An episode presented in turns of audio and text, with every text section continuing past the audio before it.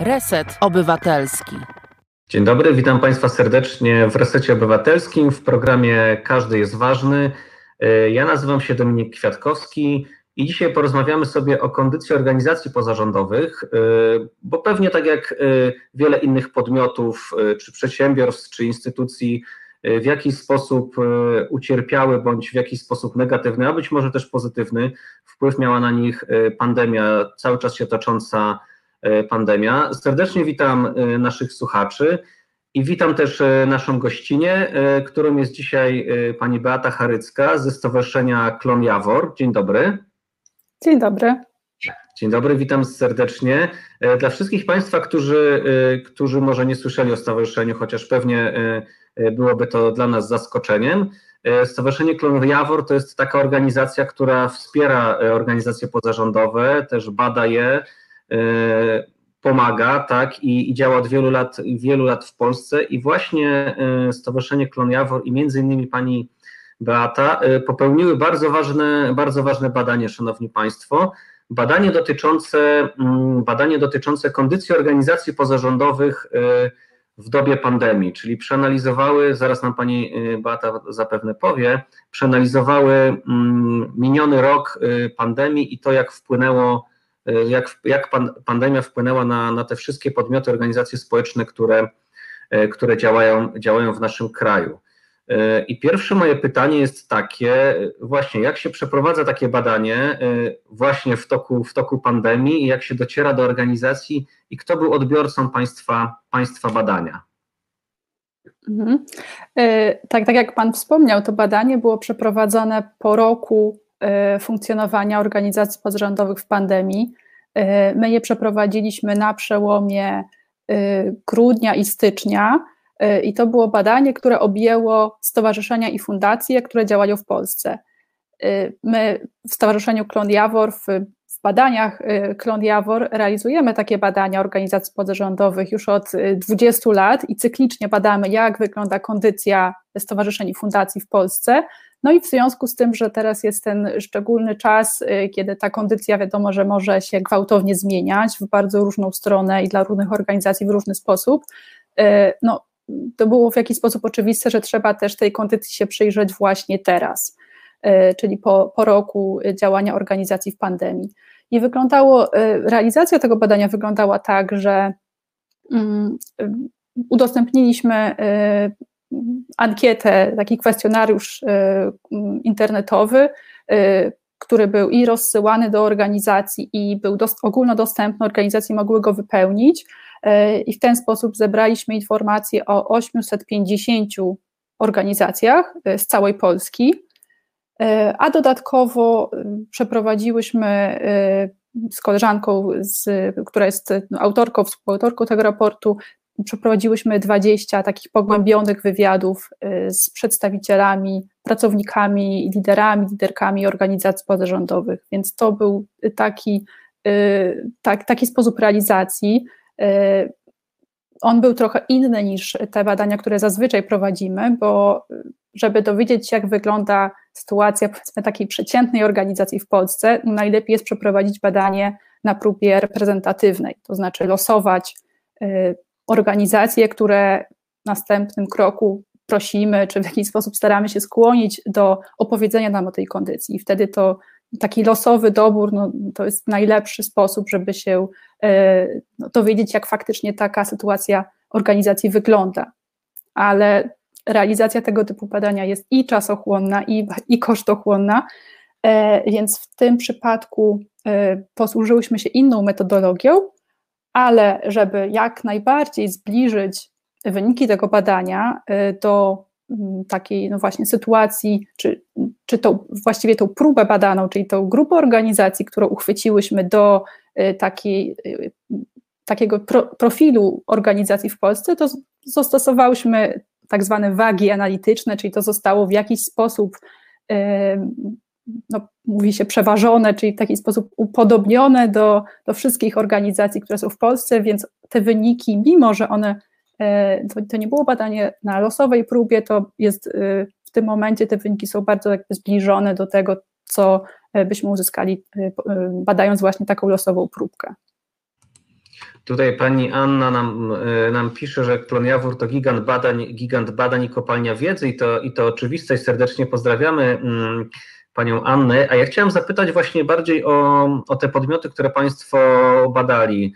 E, faktycznie jest to specyficzny i trudny czas dla nas wielu, e, w tym dla organizacji pozarządowych. Podmioty chętnie odpowiadały na wasze zgłoszenie, na wasze pytania. Mm, właśnie z tym, y, z tym było różnie na różnych etapach realizacji tego badania, bo może też warto wspomnieć, że to badanie, które nazywa się Rok w pandemii, y, zostało przeprowadzone po roku działania w pandemii, ale to nie było nasze pierwsze badanie sytuacji NGO-sów w pandemii, bo zrobiłyśmy też takie badanie na samym początku, czyli wiosną. Y, I wtedy zwrot organizacji y, pozytywny, czyli taka no, chęć włączenia się w taki projekt badawczy był bardzo duży. To był jakiś taki ogólny chyba czy zryw, czy taki, taka potrzeba po prostu też otrzymania tych informacji, jak wygląda nasza sytuacja, naszego środowiska w tym czasie, y, pomogła nam zebrać bardzo dużo odpowiedzi w bardzo krótkim czasie, wtedy wiosną. A po roku, kiedy to badanie, no wiedziałyśmy, że, że trzeba powtórzyć, już zauważyłyśmy, że było dość, no może nie, nie trudno, ale trudniej. I uzyskanie takiej informacji zwrotnej na ankietę internetową było, no po prostu wymagało troszeczkę więcej czasu, więcej determinacji, więcej jakichś zaangażowanych podmiotów, bo prosiłyśmy o wsparcie na przykład pełnomocników do spraw organizacji podrządowych, czyli takich osób, które pracują w samorządach, i komunikują się na co dzień z organizacjami, czy mają jakoś je pod swoją opieką, więc prosiłyśmy o to wsparcie w dystrybucji tej informacji, rozesłaniu tej, tej, tej ankiety do po prostu jak największego grona, bo zależało nam, żeby właśnie to grono, które wypełni tę ankietę było no właśnie jak najbardziej zróżnicowane, żeby to nie było tylko te duże organizacje z dużych miast, które zazwyczaj jakoś łatwiej jest uchwycić, bo one są częściej przy komputerze, częściej w taki sposób działają właśnie biurowy, e, że dla nich jakby wypełnienie jakiejś, mm, jakiegoś kwestionariusza online, no powiedzmy, może nie jest codziennością, ale, ale nie jest też niczym nowym. Więc zależało nam na dotarciu do organizacji właśnie z terenów wiejskich, e, takich, które zajmują się właśnie na co dzień e, pracą, która może niekoniecznie wiąże się z, z, z właśnie taką byciem, byciem online non-stop. E, więc jakoś ten rezultat został osiągnięty koniec końców, także on finalnie nawet nas zaskoczył, bo te 850 e, organizacji, które wzięło udział w badaniu, to jest nawet więcej niż to, co osiągnęłyśmy tym badaniu pierwszym wiosną 2020 roku. No a dodatkowo, tak jak wspomniałam, to były jeszcze organizacje, które zapraszaliśmy do takich indywidualnych rozmów, bo przez kwestionariusz internetowy taką ankietę, to informacje, które się uzyskuje, są no bardzo cenne, bo one pokazują jakieś spektrum e, i, i tak mm, dużo tematów można jakoś mm, uchwycić, ale żeby pogłębić takie informacje, warto porozmawiać z, i już tak na żywo, na ile to jest możliwe w dzisiejszych czasach na żywo, ale porozmawiać i dopytać o pewne kwestie i dopytać o wyjaśnienie. Także e, w badaniu tym online uzyskaliśmy taki powiedzmy duży obrazek, ale żeby go wypełnić tą treścią i jakąś interpretacją, czy poznać jej motywację, e, właśnie wyjaśnienia jakichś danych, to do tego posłużyły nam już wtedy te wywiady indywidualne. Dzisiaj, proszę Państwa, z nami jest pani e, Beata Charycka, współautorka e, badania Rok w pandemii o kondycji organizacji pozarządowych ze Stowarzyszenia Klon Jawor. Dzisiaj właśnie rozmawiamy o tej kondycji. Wspomniała Pani o tym, że na początku roku 2020 było taka, takie duże wzmożenie aktywności i takiej chęci właśnie też ze strony NGO-sów, e, które chciały właśnie brać udział między innymi w badaniu, ale też zapewne angażowały się w, ważne, e, w bardzo dużo ważnych, ważnych spraw, a już z końcem roku e, trochę, trochę ten entuzjazm opadł. I jak czytam sobie wyniki badań, e, to badanie oczywiście, Szanowni Państwo, jest i dostępne na stronie Stowarzyszenia Klon Jawor, e, i dostępne na portalu ngo.pl, także Państwo mogą z niego, mm, z niego korzystać. W bardzo przystępnej formie jest, jest podane, także każdy może się z tym zapoznać. Ale właśnie, jak czytam te, te wyniki, to pierwsze oczywiście, co uderza, e, to dana o, mówiąca o tym, że 65, wśród 65% badanych sytuacja pogorszyła się. A ja chciałbym tak dopytać, co to znaczy pogorszyła się, co było badane i na co odpowiadali ankietowani. Mhm. E, tak, e, dobrze, że Pan e, wspomniał, gdzie to, ten raport z badań można znaleźć, bo to jest myślę bardzo ważne. Także zapraszam na stronę ngo.pl czy fakty.ngo.pl, tam ten raport można przeczytać w całości. I tak, 65% organizacji, czyli 2 trzecie mówi, że ich sytuacja się pogorszyła. I to jest taka dana, która mówi o taki, takim subiektywnym odbiorze sytuacji organizacji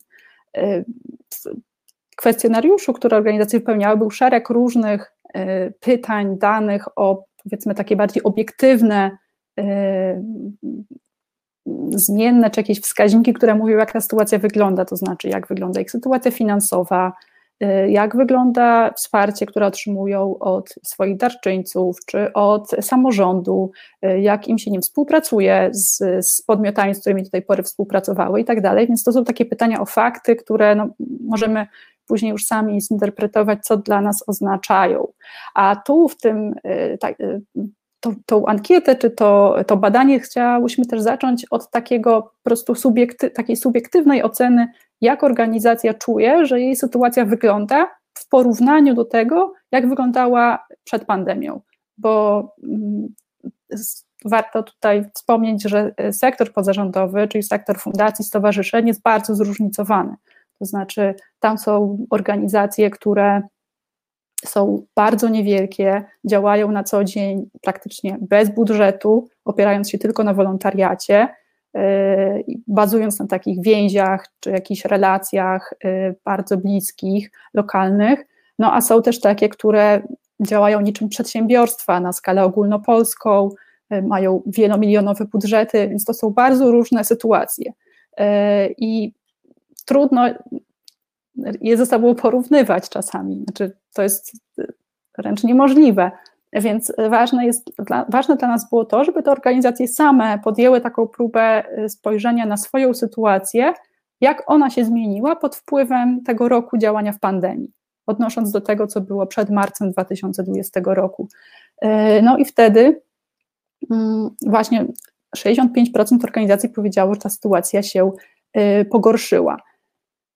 Wydaje mi się, że tutaj warto jest y, właśnie przyjrzeć się, co to są za organizacje, które tak mówią, y, bo to nie jest tak, że, y, że to jest jakaś, mm, że to jakieś losowe organizacje taką ocenę sobie wystawiają. Widzimy tutaj takie zależności, które są związane z tym, gdzie organizacja jest zlokalizowana, to znaczy, czy to jest wieś, czy to jest małe, średnie, duże miasto, i widzimy powiązanie z branżą, w której organizacja działa, to znaczy taką, takim obszarem jej specjalizacji. I jeśli chodzi o, o obszar działania, czyli tą lokalizację, to organizacje, które działają w takich małych miastach i średnich miastach, najczęściej mówią, że ich sytuacja pogorszyła się. To jest bardzo ciekawy wynik dla nas, bo to jest dość zaskakujące. Zazwyczaj te skrajne tak, wiejskie czy wielkomiejskie organizacje jakoś się wyróżniają, a tutaj widzimy, że ten środek jakoś najbardziej ucierpiał. I to też było przedmiotem wielu jakichś rozmów, interpretacji, bo my też te wyniki badań pokazywaliśmy mm, osobom, które na co dzień zajmują się mm, sektorem pozarządowym, e, wspierają go pracując w różnych instytucjach, mm, Y, czy organizacjach, które zajmują się właśnie takim wsparciem NGO-sów w Polsce i prosiliśmy o, mm, po prostu o komentowanie, o, o przykładanie jakiejś własnej do tego perspektywy y, i, i też no, po prostu chciałyśmy jakoś poszerzyć rozumienie tych danych. Y, więc ta, ta informacja o tym, że te organizacje ze średnich miast i małych miast najbardziej ucierpiały, to znaczy najczęściej mówią, że ich sytuacja pogorszyła się, wzbudziła bardzo E, no, duże zainteresowanie. E, tak też trochę było, jak rok temu badaliśmy sektor, tak trochę to było chyba przeczuwane, że jednak te organizacje z najmniejszych miast, e, one mo mogą mieć wbrew pozorom, z, przepraszam, z, ze wsi, one mogą mieć łatwiej, bo mm, no właśnie, bo mogą się na, chwilę, na jakiś czas zawiesić, a po, nie wiem, po jakimś odpowiednim dla nich czasie wznowić działania, kiedy po prostu będzie to dla nich wygodne i że wtedy te straty może nie będą aż tak duże, bo im jest łatwiej działać bezkosztowo, właśnie opierając się na, na wolontariacie, które po prostu zawieszają na chwilę i zwołują się znów, kiedy, kiedy jest po prostu taka możliwość. A z kolei organizacje z dużych miast, to one mają częściej duże budżety, zatrudniają pracowników i takim organizacjom, które no, działają w taki zorganizowany bardzo sposób, też jest łatwiej działać w takich trudnych warunkach, łatwiej się mm, no, mają jakieś zasoby też mm, finansowe i niefinansowe, żeby sobie poradzić. Więc te, powiedzmy, te małe organizacje wiejskie są bardzo elastyczne, bo one są, mogą nie, w każdej chwili powiedzmy zamknąć drzwi i powiedzieć wracamy jak będzie lepiej. Te duże organizacje, one często y, właśnie mają środki, zasoby, żeby po prostu działać mimo trudnych warunków, y, są w stanie się jakoś do tych warunków dostosować, no a te średnie z tych średnich, yy, średnich miast, no to właśnie one są w takim powiedzmy rozkroku i one najbardziej ucierpiały. A to druga. Bardzo, to, to, mhm. to bardzo ciekawe, jeżeli mógłbym wtrącić to, co Pani mówi, ponieważ jeżeli Szanowni Państwo sobie uświadomimy, że jednak większość mieszkańców naszego kraju to są mieszkańcy właśnie małych i średnich miasteczek, to mogłoby oznaczać, że wśród e, badanych organizacji właśnie, których kondycja najbardziej się pogorszyła, to są właśnie organizacje z tych małych i średnich miasteczek i ta właśnie pomoc czy wsparcie, czy ich działalność e, mogła być w tym roku no, dość nieadekwatna właśnie do dużej liczby odbiorców. Mhm. Tak, to prawda. Więc te, te, te organizacje y, z, z, takich małych, średnich miejscowości, nawet trzy czwarte z nich mówi, że ich sytuacja pogorszyła się y, w pandemii. I drugą rzeczą, o której wspomniałam, tak, która mm, różnicuje jakoś organizacji, jest branża, w której one działają. Bo tak jak mówiłam, organizacje są i, i bardzo zróżnicowane pod względem budżetów, ale też działają na bardzo wielu obszarach. E, najwięcej organizacji w Polsce e, zajmuje się sportem. Może to jest jakaś zaskakująca e, informacja, ale ponad jedna trzecia organizacji to są organizacje sportowe. Duża, duże branże to są to jest kultura i sztuka, edukacja, rozwój lokalny, ochrona zdrowia, pomoc socjalna to są takie największe branże, chociaż no pewnie część z nich też w naszej świadomości jakoś występuje, że to są właśnie te dziedziny, którymi zajmują się organizacje, mm, ale pewnie nie wszystkie. Tak jak wiemy z badań zresztą też, które robimy o tym, jakie jest postrzeganie sektora pozarządowego, to wiemy, że zazwyczaj kojarzymy je z pomaganiem Y, z, z, z, właśnie wsparciem osób w trudnej sytuacji, w chorobie i tak dalej, ale to spektrum działań organizacji jest dużo, dużo szersze.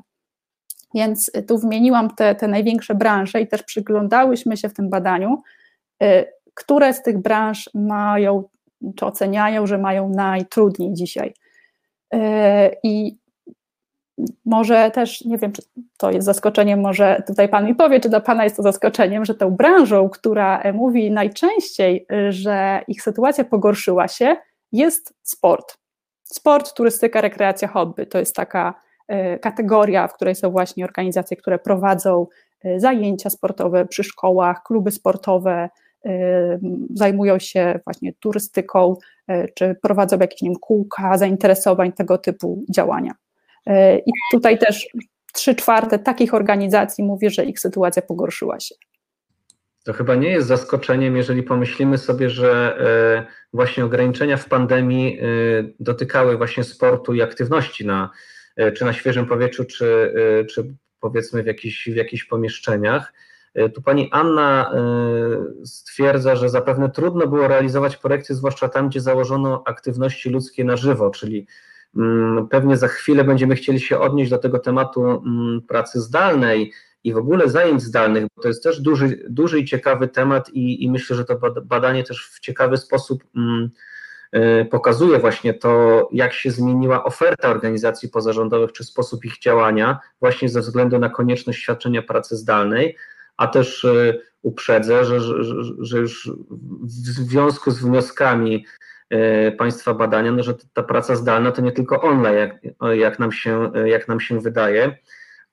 Ale właśnie, mówiliśmy o tych organizacjach, którym, którym się pogorszyło i, i faktycznie ten sport jest taką, sport czy rekreacja jest taką dziedziną, która bardzo mocno ucierpiała, zarówno amatorski, ale też w jakiejś części przez pewien czas sport zawodowy. No właśnie, ale w badaniu też przedstawiałem Państwu informację, że są takie podmioty i takie organizacje, które stwierdziły, że im sytuacja się polepszyła. I jakie to są organizacje i w jaki sposób ta sytuacja im się polepszyła właśnie w trakcie pandemii? Mhm.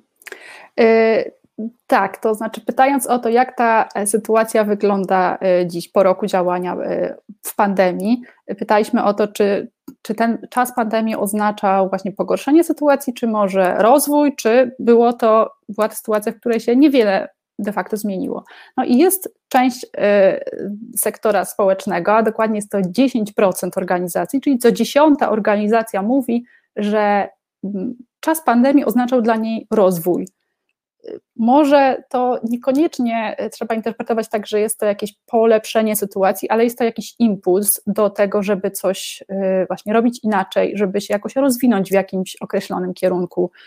I tak jak e, tutaj mieliśmy 65% organizacji, które mówią, że ich sytuacja się pogorszyła ewidentnie i to zazwyczaj właśnie było związane z tym, że organizacje, tak jak tu przytaczał Pan komentarz słuchaczki, to są organizacje, które musiały zawieszać swoje działania, bo one nie były w stanie ich kontynuować. Tak tutaj y, ten rozwój y, organizacji to jest y, no, często związany z tym, że właśnie organizacje mogły swoje działania w łatwy sposób przenieść do takiej formuły zdalnej, miały ku temu możliwości, zasoby. I tak jak pogorszyło się tym organizacjom, które są właśnie z tych średnich ośrodków miejskich i z, z branży sportowej i kulturalnej, bo o tym już nie powiedziałam, to sport i kultura to są te takie naj, najbardziej doświadczone, dotknięte pandemią. Tak ten rozwój y, częściej widzimy w organizacjach, które zajmują się pomocą społeczną, usługami socjalnymi i są z dużych z dużych miast. To chyba nie zaskoczeniem, że te, które właśnie są z, z takich miast powyżej 200 tysięcy mieszkańców, bo tak definiujemy tutaj duże miasta, mm, one zazwyczaj mają większe budżety niż taka przeciętna organizacja. Mm, dla nich to, to oznacza y, rozwój. I ten, no, to, to jest w ogóle bardzo ciekawy temat, czym jest rozwój dla organizacji w pandemii, bo czasami to może być naprawdę trudno określić, bo w jakimś obszarze organizacja musi się zwijać, powiedzmy, musi redukować swoje działania, bo właśnie nie jest w stanie prowadzić aktywności fizycznej, y, tak, y, y, działań, które są związane z taką aktywnością fizyczną, tych działań nie jest w stanie prowadzić, ale na przykład pod wpływem tej sytuacji wpadła na pomysł, w jaki inny sposób może na rzecz swoich odbiorców działać i stwierdziła, że to jest dla niej jakaś szansa. Mm, może te działania będzie kontynuować także po pandemii i ocenia to, że to jest dla niej rozwój. Więc y, patrzymy na to tak, że y, ten rozwój może być w jakimś obszarze, a w innym z kolei no, może być to właśnie zawieszanie jakichś działań. E, no ten, rozwój z jednej strony, tak sobie myślę, e, Pani Beato, że może dotyczyć e, no też e, przykrej i smutnej sytuacji, to znaczy powiększanie się grupy osób wykluczonych z różnego względu, prawda, z życia społecznego, e, czy, mm, czy z życia gospodarczego, a przez to e, wpadania w biedę. Ten rozwój też dla organizacji, która zajmuje się tym tematem, może też wynikać z tego, że na przykład, i to też pokazuje Państwa badanie, że na przykład dociera do danej organizacji więcej informacji dotyczących chociażby sytuacji związanej z przemocą domową, tak, e, w związku, w związku z, z izolacją, także trochę tak można powiedzieć, mm, e, taką, mieć taką refleksję, że e, dla, dla wielu organizacji, myślę, że w toku pandemii, no może nie im gorzej, tym lepiej, ale mieli więcej po prostu pracy, mieli więcej, więcej pracy i mieli więcej, więcej działań właśnie związanych z tą, z tą sytuacją. Mhm, dokładnie tak. Właśnie poruszył Pan tutaj ważny temat y, sytuacji odbiorców organizacji, bo y, no, organizacje działają na rzecz, większość organizacji działa na rzecz określonych grup osób czy instytucji, no ale zazwyczaj są to osoby, czy są to osoby mm, seniorzy, dzieci, młodzież, osoby zainteresowane jakimś obszarem, ekologią i tak dalej. I wiele z tych odbiorców, bo też o to pytaliśmy, doświadczyło jakiegoś no właśnie pogorszenia swojej sytuacji. I to znowu jest ponad, ponad dwie trzecie organizacji ocenia, że sytuacja ich odbiorców jest dzisiaj trudniejsza i właśnie te problemy związane z izolacją, z pogorszeniem sytuacji finansowej, z utratą pracy, trudnością w dostępie do leczenia, bo osoby no, zmagające się z, z, z różnymi problemami zdrowotnymi to też jest duża Y, grupa, y, czy bardzo liczna y, grupa odbiorców działań organizacji. I straciłam chyba wątek, ale to, aha, tak, wiem, bo mówił Pan o tym, że to są właśnie te, te grupy, które, no, których grono mogło się powiększyć i właśnie tak organizacje mówią, że one dostrzegają te dodatkowe problemy, które wymagają reakcji. I w reakcji na właśnie te, te nowe wyzwania, organizacje podejmują działania. Y, I, I, to może być dla nich właśnie ten rozwój, bo tak jak powiedziałam wcześniej, y, duża część organizacji mówi, że musi zawieszać swoje działania sprzed pandemii, ale jednocześnie y, ponad jedna trzecia organizacji mówi, że w pandemii podjęła nowe działania. To znaczy takie, których przed pandemią w ogóle nie prowadziła. I to nie jest tylko Mm, przeniesienie. Tu nie chodzi o to, że zaczęła nagle prowadzić coś online, co wcześniej prowadziła na żywo, tylko to są po prostu inne formy działań e, skierowane albo do e, odbiorców, mm, na rzecz których działa, działała dotychczas, albo na rzecz zupełnie nowych grup odbiorców. I to są na przykład działania, które polegają na jakiejś takiej doraźnej pomocy, czyli na przykład organizacji zakupów, wydawania posiłków, e, słynne już szycie maseczek, czy prowadzenie jakichś akcji informacyjnych, to są jakieś nowe, nowe typy działań, które organizacje zaczęły podejmować właśnie w reakcji na wyzwania pandemii. Ale też jak Pan powiedział o tym przykładzie, znaczy o tym, że, że powiększa się to grono osób, które potrzebują dzisiaj wsparcia, to przypomniał mi się jeden z wywiadów, które w ramach tego badania prowadziłam z przedstawicielem Banku Żywności, czyli takiego Y, takiej no, dużej sieciowej organizacji, która ma swoje placówki w wielu miastach, y, miasteczkach w Polsce i zajmuje się redystrybucją żywności, którą pozyskuje od instytucji, sklepów, przedsiębiorców. Y, I, I, mój rozmówca właśnie o tym powiedział, że zauważa, że jest coraz więcej osób, które tej żywności potrzebują i że dla nich to, znaczy jest to trudna sytuacja, ale widzi, że to będzie oznaczało więcej pracy, więcej działań, być może będzie łatwiej im pozyskać y, wsparcie od supermarketów, hipermarketów, bo po prostu grono odbiorców się powiększa, więc ta trudna sytuacja odbiorców no może w jakiś sposób napędzać też y, rozwój organizacji. No chociaż oczywiście to nie jest sytuacją pożądaną przez nikogo i to nie jest ten rozwój, o który by najchętniej chodziło organizacjom, ale jednak ta sytuacja wymusza w jakiś sposób mobilizację.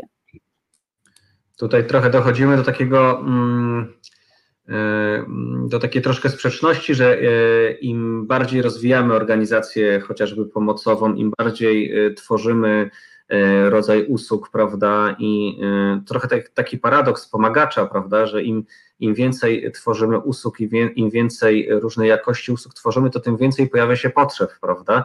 E, I być może tutaj e, e, Tutaj warto, warto będzie też ten temat w przyszłości podjąć w badaniu. Ja przypominam Państwu, że dzisiaj rozmawiamy o kondycji organizacji pozarządowych z panią Beatą Charycką ze Stowarzyszenia Klon Jawor. I zapraszam teraz na krótką przerwę, a po przerwie wrócimy dalej właśnie do rozwoju, do potencjału organizacji no i do tej już szczęsnej bądź nieszczęsnej pracy zdalnej myślę, że będziemy mieli okazję o niej porozmawiać. Także zapraszam na przerwę. Słuchasz Resetu Obywatelskiego. Reset Obywatelski działa dzięki Twojemu wsparciu. Znajdź nas na zrzutka.pl. I wracamy, proszę Państwa, po, e, po tej krótkiej, przyjemnej przerwie. E, dzisiaj w programie Każdy jest ważny. Rozmawiamy z panią Batą Charycką ze Stowarzyszenia Klon Jawor na temat e, kondycji organizacji pozarządowych właśnie w roku, w roku pandemii.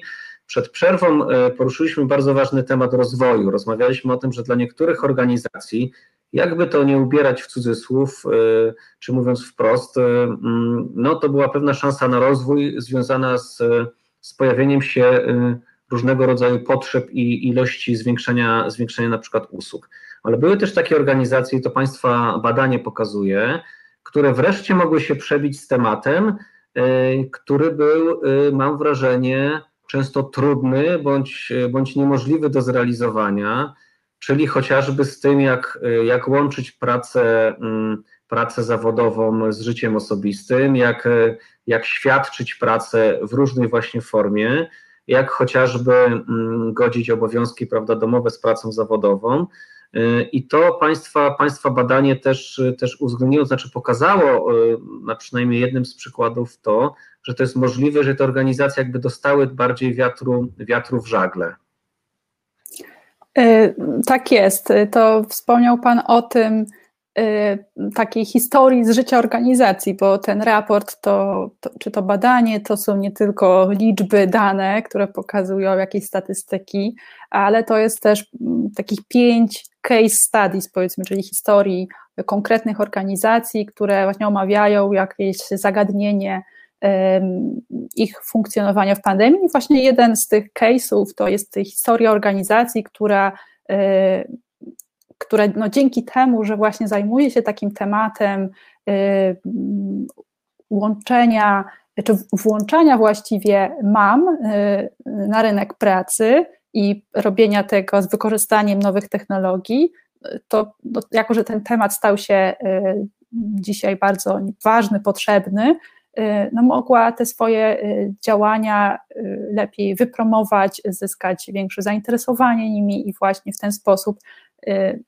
tego rozwoju jakoś doświadczyć. Ale co ważne, że to nie jest jakiś szczęśliwy zbieg okoliczności, to jest wieloletnia praca i zbieranie doświadczenia, więc to jest tak, że organizacja musiała być w odpowiednim miejscu, w odpowiednim czasie, mieć ten background, mieć zasoby, wiedzę i móc nią Y, się tą wiedzą dzielić, czy, czy w jakiś sposób ją dystrybuować, że to, to nie jest tak, że wystarczyło zajmować się danym tematem od y, miesiąca przed pandemią i, i tego wiatru w żagle dostać, więc to, to naprawdę też wymagało wcześniej zdobycia tego know-how y, i tego doświadczenia.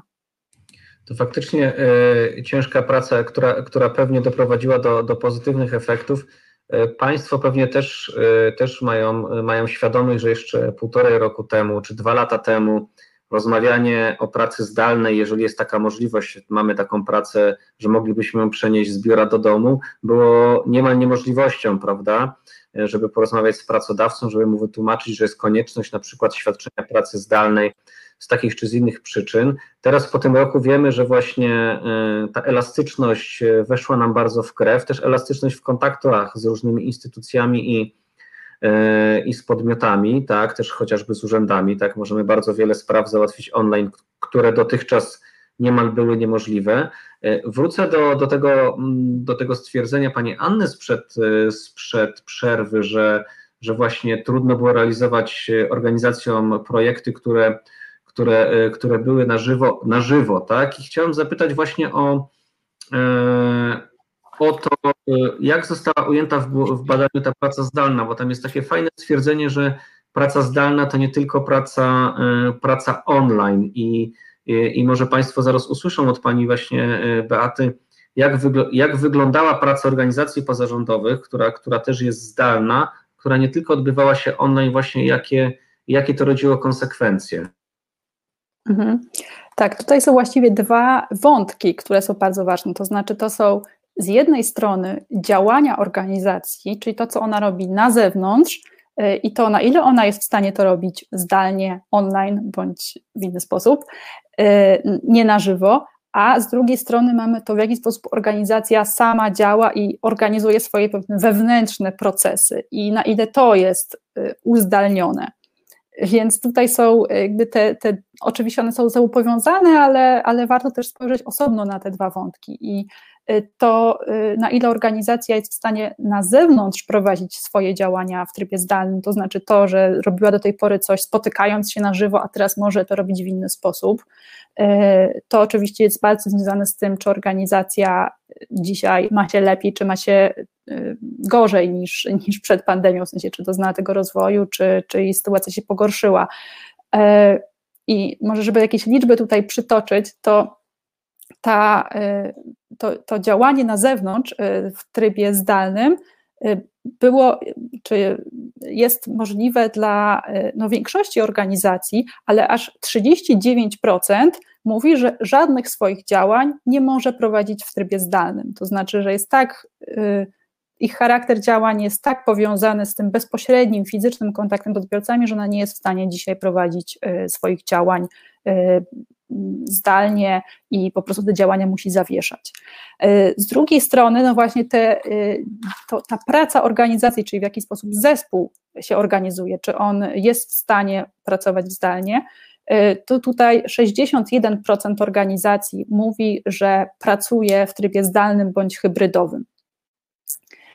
I zaraz może jeszcze ten, ten wątek, co to oznacza, rozwinę, ale jeszcze nawiązując do tego, co, co Pan mówił, czy ta, czym jest ta, e, e, czym są te działania zdalne, czy praca zdalna dla organizacji, że to nie jest tylko działanie przez internet, bo nam się może tak to jednoznacznie jakoś kojarzy, że to oznacza, że, że robimy to z wykorzystaniem internetu, czy na przykład świadczymy jakieś usługi, działania na rzecz odbiorców przez internet, ale dla wielu organizacji to nie jest tylko to, bo dla nich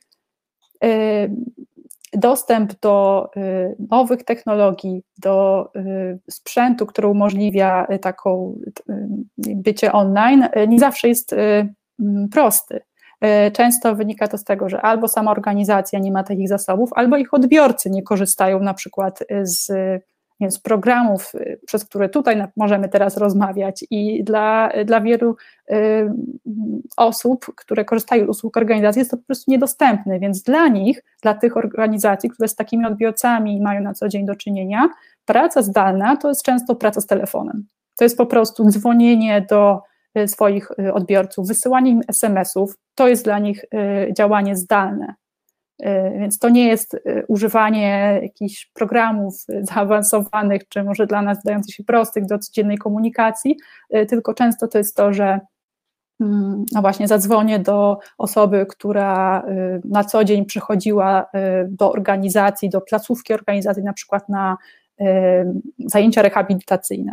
I na co dzień robiła to w placówce, a teraz musi robić to zajęcia w domu, y, a ja po prostu jako osoba, rehabilitantka z organizacji do niej dzwonię i sprawdzam, jakiej, sprawdzam, no jest to możliwe oczywiście, rozmawiam o tym, jak, y, jak ta, ta, ta praca, y, jak rehabilitacja postępuje, więc ta, to, to działanie zdalne to jest też często w przypadku organizacji po prostu działanie z telefonem, a nie z, z użyciem komunikatorów internetowych. A czy, czy nie jest trochę tak, że e, e, tak, tak, ja czytam tak e, wyniki tego badania, czy nie jest trochę tak, że organizacje pozarządowe otworzyły się bardziej na zewnątrz w tym roku pandemii, zaczęły zauważać też inne podmioty i zaczęły też rozmawiać i współdziałać z innymi podmiotami, bo jeżeli czytamy, że ponad 30% organizacji zaczęło współpracować z innymi podmiotami i szukało innych partnerów, to wydawać by się mogło, że rok do roku jest to, jest to spory skok, jeżeli chodzi o, o rozwój i o taką alternatywę dotyczącą działalności organizacji pozarządowej. Mhm. To znaczy, jeżeli chodzi o współpracę i takie otwarcie na, e, na inne podmioty, to można powiedzieć, że, że zawsze ono jest wysokie wśród organizacji. W naszych badaniach, które prowadziliśmy też tak w regularny, cykliczny sposób, tak jak powiedziałam, kondycję organizacji badamy co, co 2-3 lata regularnie, od już 20 lat.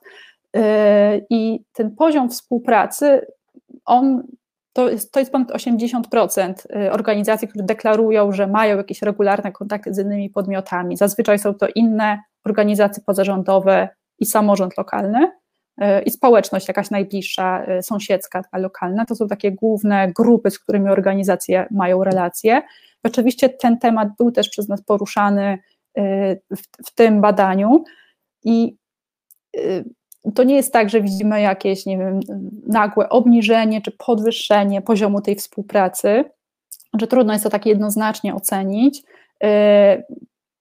Widzimy, że na pewno w, stosunku, w stosunkach z samorządem te relacje są, mm, powiedzmy, że tu jest jakieś ochłodzenie, że tych kontaktów wydaje się, że jest mniej, E, ale z kolei organizacje deklarują, że dużo realizowały wspólnych projektów z innymi organizacjami pozarządowymi. E, więc no, pewnie, pewnie tak jest, że dla części organizacji jest ta, ten czas pandemii, jakiś no, kryzysowy czas, jednak momentem, kiedy można otworzyć się na podmioty, z którymi do tej pory organizacja nie współpracowała, czyli na przykład na inicjatywy takie nieformalne. To jest też ważny temat i, i ważna, y, ważna taka grupa właśnie niesformalizowanych podmiotów, które bardzo dużo działań prowadziły w pandemii y, i potrafiły jakoś tą energię społeczną, która w nas była, taka chęć y, pomocy, szczególnie na początku pandemii, kiedy było tak, był taki powiedzmy zryw jakiś, żeby się samoorganizować, żeby się jakoś wspierać, E, część organizacji właśnie potrafiła to wykorzystać i z tymi organizacjami, znaczy nie, właśnie nie organizacjami, z tymi inicjatywami nieformalnymi nawiązać jakieś relacje, czy jakoś się nawzajem wspierać. I to dla wielu z nich było nowe, bo takie podmioty nieformalne nie są tak często pierwszym kontaktem, powiedzmy, dla organizacji. Więc y, to, to otwarcie myślę, że w przypadku no, wielu organizacji nastąpiło faktycznie. Tutaj faktycznie dużo grup nieformalnych się pojawiło. Myśmy w zeszłym tygodniu gościli, gościli w naszym programie właśnie grupę nieformalną młodzieży Korona Mocni, którzy działali na rzecz e, seniorów, ale też różnych osób, e, które wymagały wsparcia w trakcie, e, w trakcie, w trakcie pandemii. No, ciekawe jest to, co Pani powiedziała, że Y, nastąpiło być może takie ochłodzenie z samorządem, relacji z samorządem, ale raczej, y, raczej ja podejrzewam, że, że to zmniejszenie aktywności współpracy z samorządem na różnym poziomie, jeżeli chodzi o miasta, o, mm, o ich liczbę mieszkańców, wynikało też z tego, że wiele samorządów w tym roku pandemii no, miało zdecydowanie ograniczone budżety i stać ich było zapewne na mniej wydatkowania środków właśnie w kierunku organizacji pozarządowych, na usługi, które no nie, nie ukrywajmy, łatwo, y, łatwo ciąć właśnie, właśnie w, tym, y, w tym sektorze. Y, tutaj jeden z naszych słuchaczy pisze, że ma wrażenie, że jest słaba współpraca międzynarodowa między, między podobnymi organizacjami. Polskie organizacje wciąż borykają się z problemami, dla których rozwiązanie znaleziono już na Zachodzie.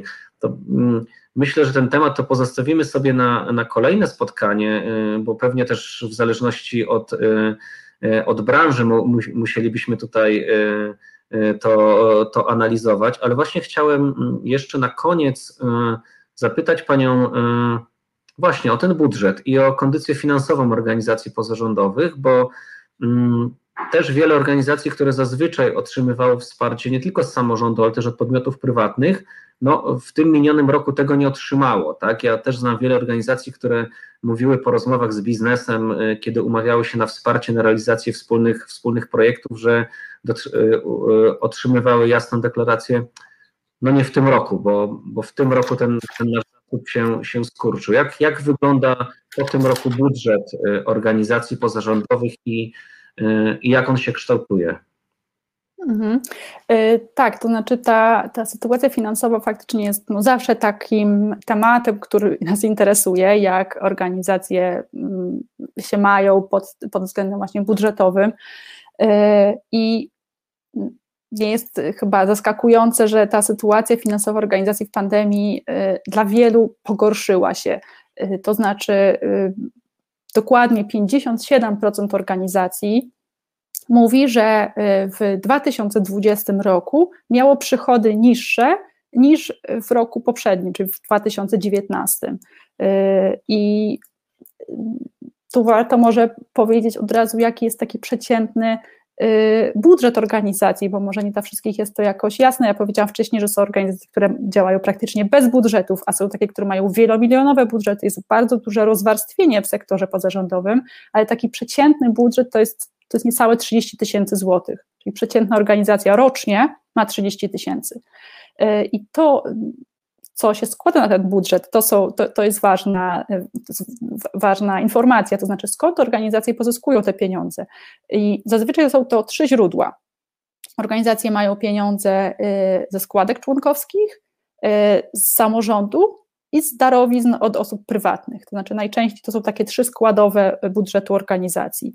Y, I oczywiście im więcej po tych źródeł przychodu, może więcej są to środki y, rządowe od właśnie innych organizacji pozarządowych, są to darowizny od biznesu, y, przychody z 1% podatku i tak dalej. Tych źródeł może być wiem, kilkanaście, pewnie można wymienić.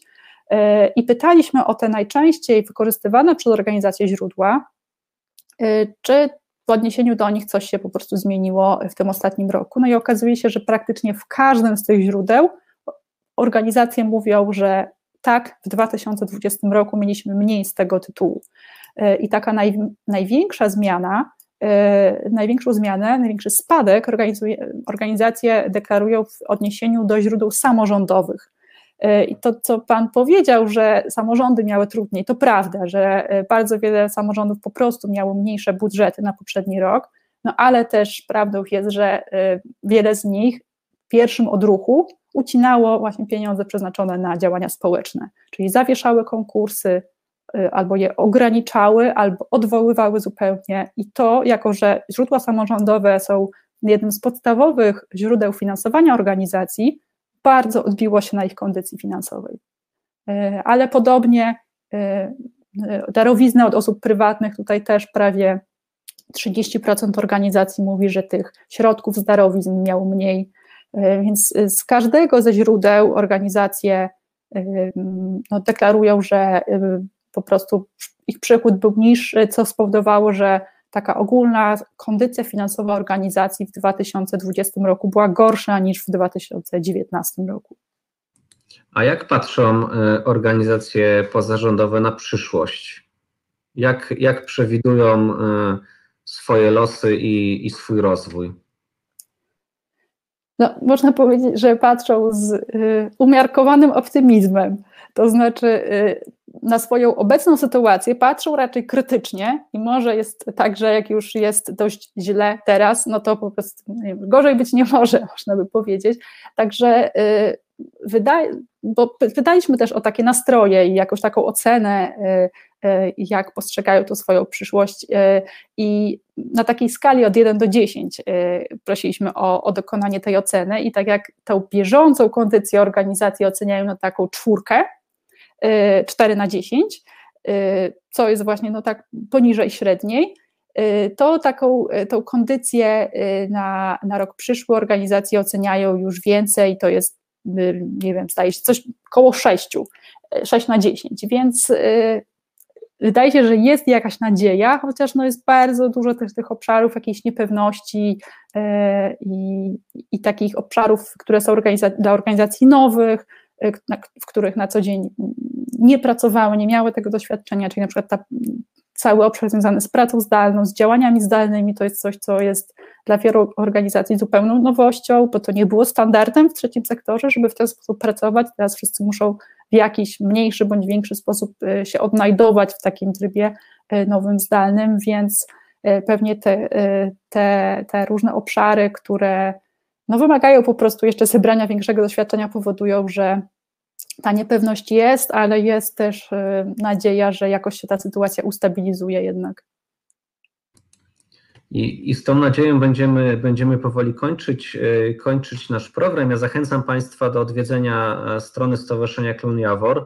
Nie tylko badania dotyczące ostatniego roku e, pandemii, w, jak, e, jak, od, jak przeżyły ją organizacje pozarządowe, również na, na portal ngo.pl Państwa zapraszam i też tam stamtąd można ściągnąć, ściągnąć e, e, raport i mam nadzieję, że będziemy się też częściej spotykali i, i podejmowali się próby analizy też, e, też innych aspektów życia, mm, życia organizacji pozarządowych.